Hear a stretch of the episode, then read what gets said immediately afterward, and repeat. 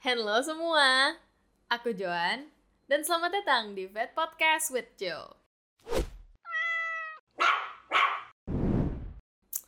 Yeay, kita kembali lagi bersama Bebek untuk episode kedua. Nah, untuk episode ini kita mau ngomongin tentang grain free food. Nah, mungkin itu terdengar familiar untuk kebanyakan dari kalian, tapi ada juga mungkin yang kayak grain free food tuh apa sih? Nah, jadi sedikit backstory, beberapa tahun yang lalu ya, kalau nggak salah, grain free food tuh sempet kayak booming lah gitu. Terus yang kayak di dewa-dewakan, yang kayak grain free food is better than regular food. Nah, mungkin Bebek bisa ngasih kita ini nih, info buat mungkin yang belum tahu grain free food tuh apa sih sebenarnya? Hmm, grain free food ya pet food ya dalam konteksnya ini ya basically kayak namanya sih it's self explanatory ya itu makanan uh, anjing kucing makanan hewan peliharaan yang nggak mengandung grain grain di sini ya biji-bijian serealia khususnya yang uh, tinggi kadar patinya ya starch karbohidratnya kayak gitu Then why was it so popular then? Oke, okay, kenapa populer? Well, I'd say mungkin sebenarnya partly karena marketing ya, partially. Uh, terus um, kebetulan ada beberapa katalis juga nih pas uh, apa yang bikin grain free food jadi kayak wow populer jadi bagus kayak gitu. Uh, sedikit cerita mungkin backstorynya. Jadi tahun 2007 itu pernah ada recall pet food besar-besaran. Jadi kayak pet food yang udah ada di market eh ditarik lagi gitu sama pabriknya. Itu karena ternyata ditemukan kalau pet food tersebut terkontaminasi sama uh, melamin gitu ya melamin ini ya bukan makanan gitulah itu bisa jadi racun buat ginjal kayak gitu malah. Uh, ya bahkan sampai ada kasus anjing yang mati gara-gara itu kan. Makanya ditelusuri dan ditemukan ternyata ada melamin. Dan melamin ini asalnya adalah dari uh, dari grain yang digunakan di pet food tersebut. Dari uh, gluten gandum ya sama uh, protein dari uh, beras. Jadi kayak uh, orang tuh bertanya-tanya dong pet owner kayak wah ini salah si grainnya nih karena wheat dan rice gandum dan nasi itu kan bagian dari grain. Jadi seolah-olah kayak salah grainnya. Padahal sebenarnya ya salah uh, apa namanya suppliernya dong yang kenapa company mereka iya gitu. bisa bisanya oh, masukin melamin dan company-nya juga kenapa nggak ngecek dulu gitu loh. Kayak harusnya kan ada quality control buat raw material. Nah tapi publik liatnya jadi kayak oh ini salah grainnya gitu. Nah terus juga um, apa ya karena di manusia itu ada uh, kelainan di mana uh, certain people itu mereka nggak nggak apa intoleran sama yang namanya gluten gluten itu sebenarnya protein yang ada di uh, gandum ya khususnya di grain Nah beberapa manusia tuh nggak toleran dan itu cukup banyak kayak mungkin sekitar satu persen dari populasi. Jadi uh, manusia meng apa ya mengekstrapolasi itu. Dikira bahwa oh karena di manusia kayak gini di anjing dan kucing juga sama. Padahal ya nggak kayak gitu. Justru di anjing dan kucing jarang banget.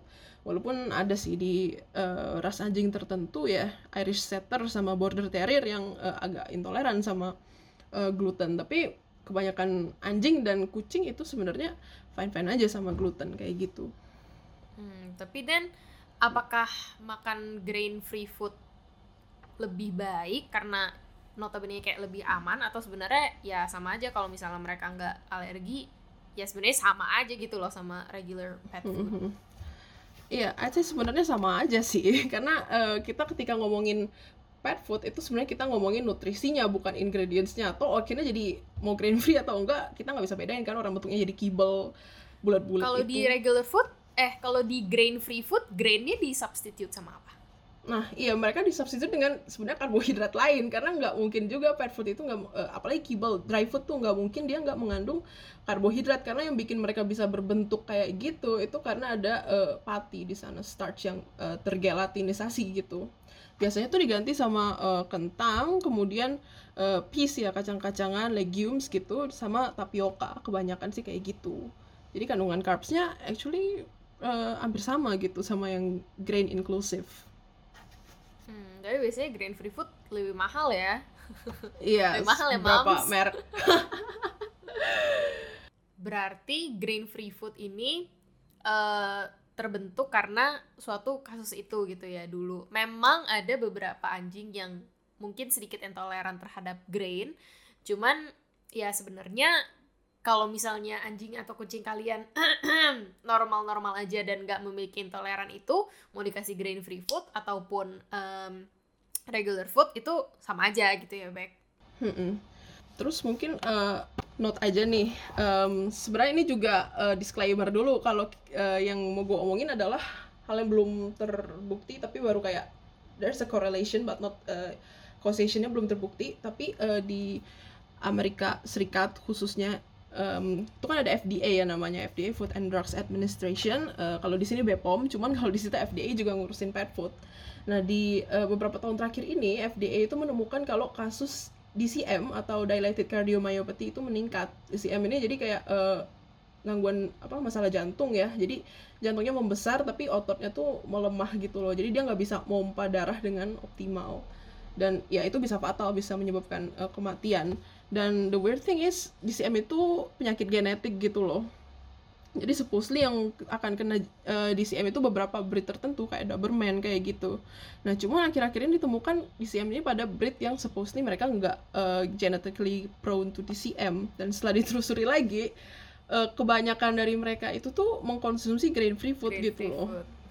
Ya, grain free dan uh, apa ya ada istilah tuh BEG, boutique uh, eksotik grain free. Eksotik di sini maksudnya uh, daging-dagingan yang nggak umum. Kalau kayak ayam sapi itu umum. Cuma kadang ada pet food pakai buaya kanguru bison kan? Itu nggak umum gitu.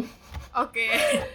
dan well, uh, less well research juga ya. Jadi kayak kita nggak tahu interaksinya ketika di tubuh kayak gimana.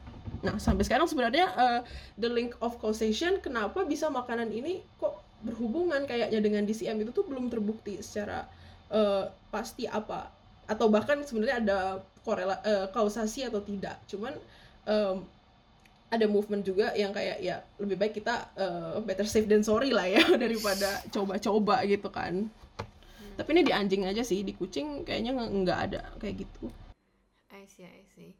Terus uh, ada nggak sih mitos-mitos seputar green free food yang sebenarnya salah cuman banyak dipercaya orang gitu actually banyak banget karena kayak I don't know maybe it's part of marketing gitu kan.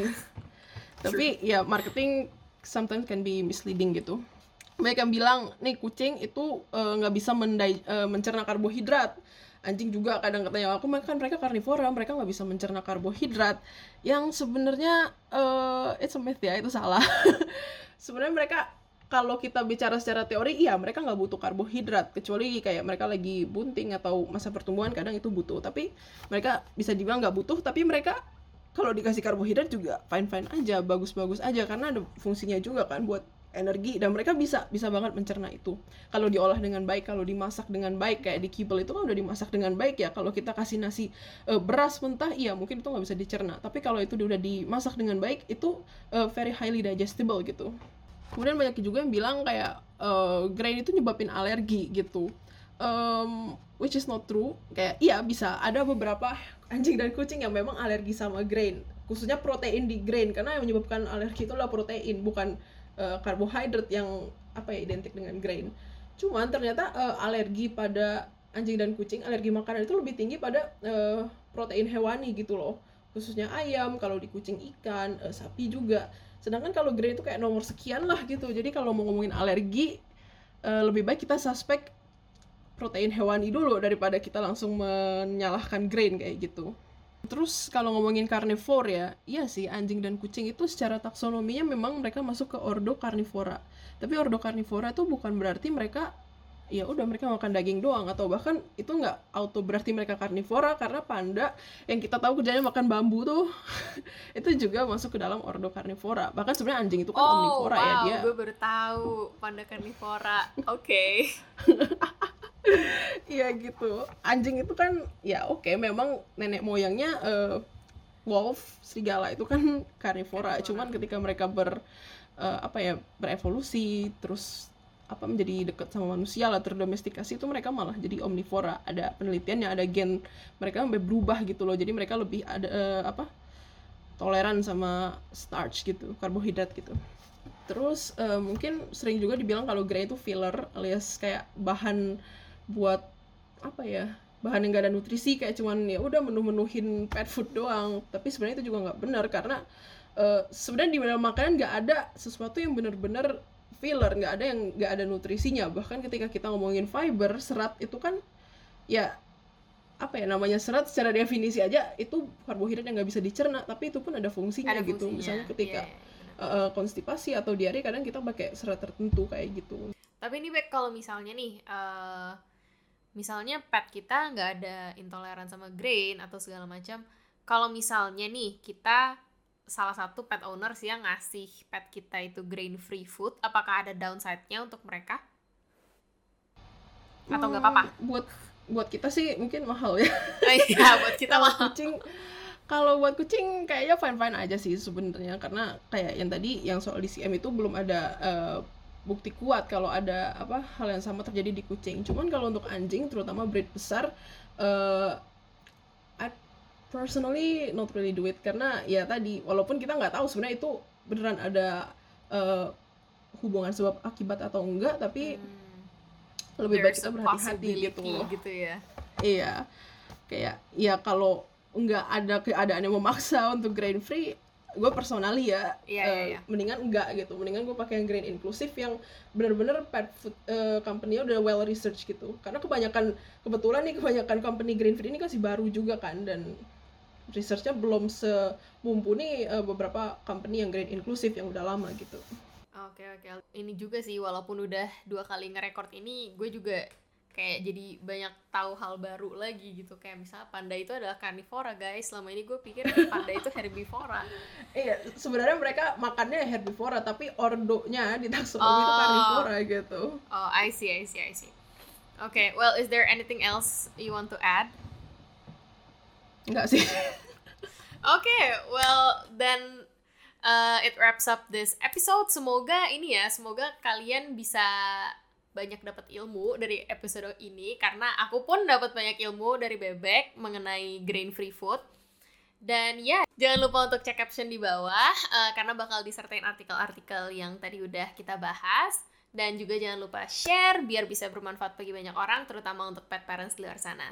Thank you very, very, very much, and see you guys in the next episode. Yay, see you in the next episode. Back.